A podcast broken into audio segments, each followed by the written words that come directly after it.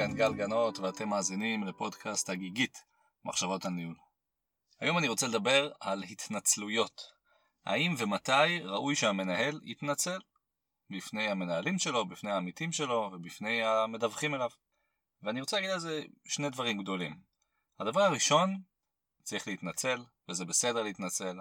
לא רק שזה בסדר, זה אפילו מראה לדעתי על ביטחון עצמי ועל אמונה בצדקת הדרך, כלומר, זה בסדר לעשות טעויות, וגם אני כמנהל עושה טעויות, זה מראה על עוצמה, זה מראה על יושר, זה נותן דוגמה אישית לאנשיך, ובעיניי באמת יש לזה המון המון אספקטים חיוביים. עשית טעות ואתה מתנצל עליה, זה בסדר, אף אחד לא חושב שכולם חפים מטעויות, אמרתי את זה כמה פעמים בפודקאסט, זה בסדר לעשות טעויות כל עוד זה טעויות חדשות כל פעם, וזה כולל גם את המנהל. ברור שמנהלים לא צריכים לטעות כל הזמן, בסדר, הם אמורים להיות אנשים שסך הכל עשו משהו ולמדו מהניסיון שלהם והיום הם נמצאים במקום של מעט טעויות, אבל זה בסדר להתנצל כשאתה עושה טעות. זה יכול להיות בשיחה אחד על אחד עם עובד, ולהגיד לו שאתה מתנצל שעשית משהו לא בסדר, זה יכול להיות בשיחה עם כל המחלקה, כל הצוות, להגיד שהיית צריך לעשות משהו אחד ועשית אחרת, ואני גם אומר שהרבה פעמים זה קשור למה שלא עשינו. כלומר, היינו יכולים לעשות משהו ולא עשינו אותו, ואולי צריך להתנצל על זה שבדיעבד חשבנו על זה וראינו שהיינו צריכים לעשות משהו ולא עשינו. אז אני באמת חושב באופן כללי שהתנצלויות זה כלי שהמנהל ראוי שישתמש בהם. וזה כלי שיכול ללמד את האנשים הרבה מאוד דברים שאנחנו חושבים, או לפחות שאני חושב, שגם הם צריכים ליישם. לי יש לא מעט דוגמאות שאני התנצלתי בפני עובדים שלי. אני זוכר למשל מקרה שעשיתי שיחה עם עובדת, אמ, ובדיעבד חשבתי שניסחתי את עצמי לא מספיק מדויק, ואני זוכר שממש חזרתי אליה אחרי כמה זמן, אמרתי לה, תשמעי, אני מתנצל, אני לא הייתי מאוד מדויק בשיחה אז, זה מה שהתכוונתי להגיד, לא הייתי במיטבי, לא אמרתי בדיוק את מה שרציתי להגיד, ותיקנתי את זה. ואני באמת זוכר את המקרים האלה כמקרים שבהם התנצלתי והרגשתי בדיעבד שזה הדבר הנכון לעשות.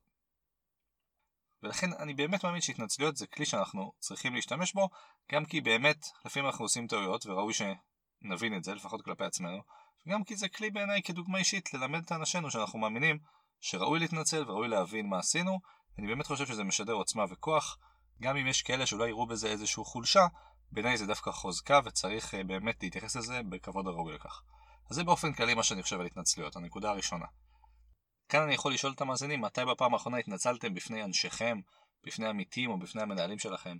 האם אתם משתמשים בכלי הזה, שלדעתי מלמד עליכם הרבה, על עוצמה ועל קור רוח ועל הבנה אמיתית של היכולות שלכם ושל המעשים הטובים והלא נכונים? אז שוב, זו שאלה שהייתי לוקח אתכם והייתי ממליץ לכם באמת לחשוב את מי מגיעה ההתנצלות הזו. אז זה ככה הנקודה הראשונה. הנקודה השנייה שאני רוצה לומר, שהיא אולי באיזשהו מקום קצת מפתיעה לאור הביטחון העצמי שאני טוען פה בהקשרי ההתנצלויות, היא שיש מקרים שאני לא סובל התנצלויות, או שאני אטען שהתנצלות היא הדבר האחרון שצריך לעשות. וזה קורה בעיניי כשמתנצלים לפני שעשינו את המעשה.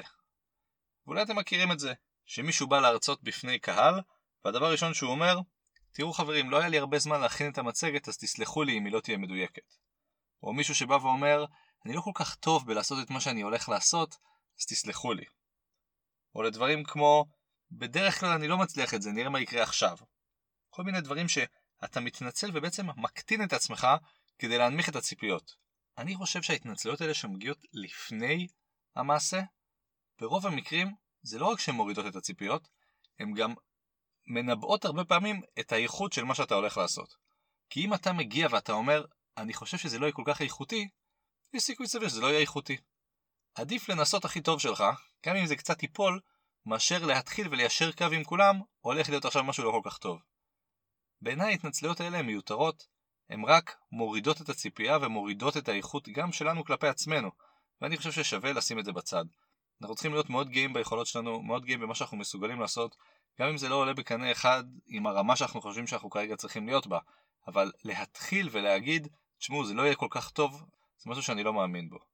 דרך אגב, בעולם הפודקאסטים למשל, זה קורה לא מעט. מישהו בא ואומר, יש לנו תנאים לא כל כך טובים אז אני מתנצל מראש על האיכות שאנחנו הולכים להשמיע עכשיו את ההקלטה. למה צריך לומר את זה? יש אנשים שלא ישימו לב שיש בעיה באיכות בכלל, ויש כאלה שיגידו, סבבה, אז הפרק הזה הוא באיכות על הפרצוף, אני לא רוצה לשמוע אותו. להתנצל מראש על זה שהפרק יהיה באיכות לא נכונה, אני חושב שזה סוג ההתנצלויות שלא צריך לשים. לא צריך להנמיך את הציפיות של הקהל שלך, ולא צריך להנמיך את הציפיות של העובדים שלך. ואני הייתי ממליץ בהקשר הזה שהתנצלויות הן משהו שצריכים להימנע ממנו. לא לצמצם ולהנמיך את הציפיות ולא להתנצל על משהו שעוד לא עשית. אז זה ככה שתי הנקודות והמחשבות שלי בהקשרי להתנצלויות. בפעם הראשונה, התנצלות, כלי מאוד חשוב למנהל, להשתמש בזה, זה מראה על ביטחון ועל עוצמה, ובעיניי זה ממש לא מראה על חולשה, זה מלמד, נותן דוגמה אישית, וזה באמת, דרך אגב, גורם לאנשים לעשות דברים יותר נכונים ויותר מדויקים, כי הם יודעים שגם יש להם את הפעם השנייה, הם יכולים לעשות משהו, להתנצל ולעשות עוד פעם. בעיניי זה משהו מאוד חשוב וכלי שראוי אה, להשתמש בו. מן הצד השני, אני מאוד נמנע מהתנצלויות במקרים שזה נעשה לפני הפעולה. להתנצל ולומר, אני יודע שיהיה גרוע, אז אני מתנצל מראש, זה משהו שאני מאוד מסתייג ממנו, וברוב המוחלט של המקרים, אני פשוט אעשה את מה שאני יכול, בתקווה שזה יהיה בצורה מספיק איכותית. מקסימום אני אתנצל לאחר מכן, אבל להתנצל מראש זה משהו שאני אשתדל להימנע ממנו כמה שיותר. זהו, אני מקווה שזה היה מעניין, אני רוצה להגיד לכולם, כרגיל, הערות, שאלות, הסכמות, חוסר הסכמות, מוזמנים תמיד לפנות דרך האתר הגיגית.co.il או דרך דף הפייסבוק הגיגית מחשבות על ניהול. מי שמתעניין בתכנים של הפודקאסט יכול גם להשתתף בסדנאות שמתקיימות מדי כמה שבועות. סדנה זה אומר מפגש מצומצם של מספר אנשים שמדברים על הנושאים של הפודקאסט, בדרך כלל זה מוקדש לנושא ספציפי, ואני מאוד אשמח להיפגש בצורה וירטואלית דרך זום עם האנשים שמאזינים ולדון בנושאים הספציפיים שאנחנו מדברים עליהם. מי שמתעניין יכול להיכנס לקבוצת הפייסבוק או לאתר, מופיעות שם הסדנאות הבאות והתאריכים, ואתם מאוד מוזמנים להשתתף. אז שוב תודה לכולם, ונתראה בפרקים הבאים.